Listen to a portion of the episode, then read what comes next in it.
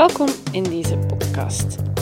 In deze podcast wil ik met jullie een aantal bewegingen overlopen die we kunnen toepassen in ons dagdagelijkse leven.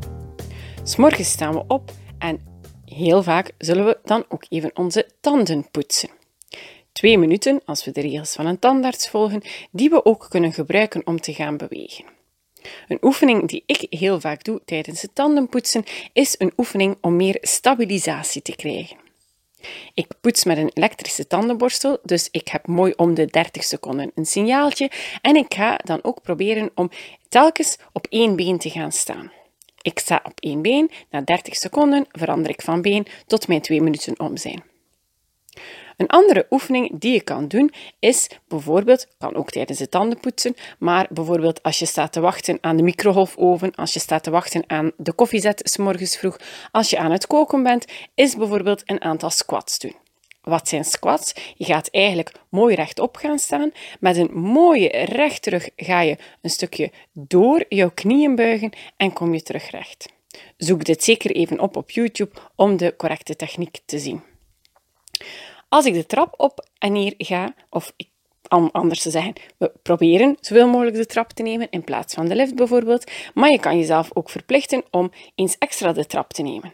Ga eens naar boven, keer eens terug naar beneden, ga weer naar boven.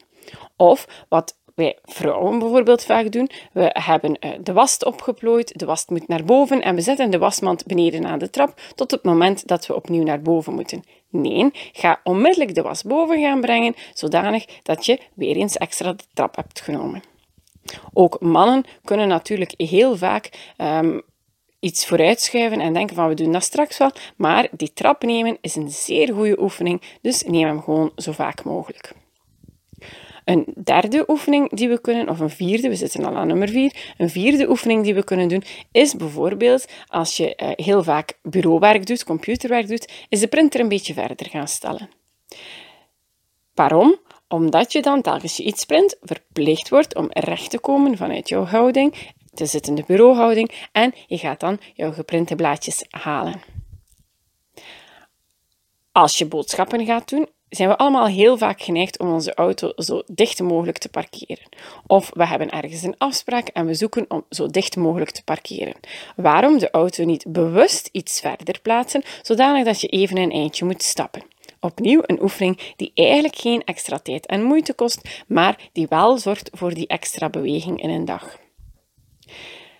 Als we s'avonds in de zetel zitten, is het ook heel gemakkelijk om um, aan familieleden of aan anderen te vragen van, oh, breng dan een keer mee voor mij. Ook op het werk betrappen we onszelf daarop. Ah, jij moet naar daar, wil je dat even meebrengen voor mij? Nee, nee, stop daarmee en wees bewust, als ik het zelf haal, heb ik opnieuw extra beweging ingelast. Een laatste oefening is een oefening die je bijvoorbeeld kan toepassen terwijl je gewoon gezellig naar tv zit te kijken. Waarom ga je niet in de zetel wat op jouw rug liggen en fiets je niet terwijl je naar het nieuws luistert, terwijl je naar een serietje kijkt, maar je bent wel aan het bewegen. Ik ben zeker als jullie zelf even gaan nadenken, jullie verbeelding gebruiken, dat je heel wat bewegingsmomenten kan invoeren tijdens de dag.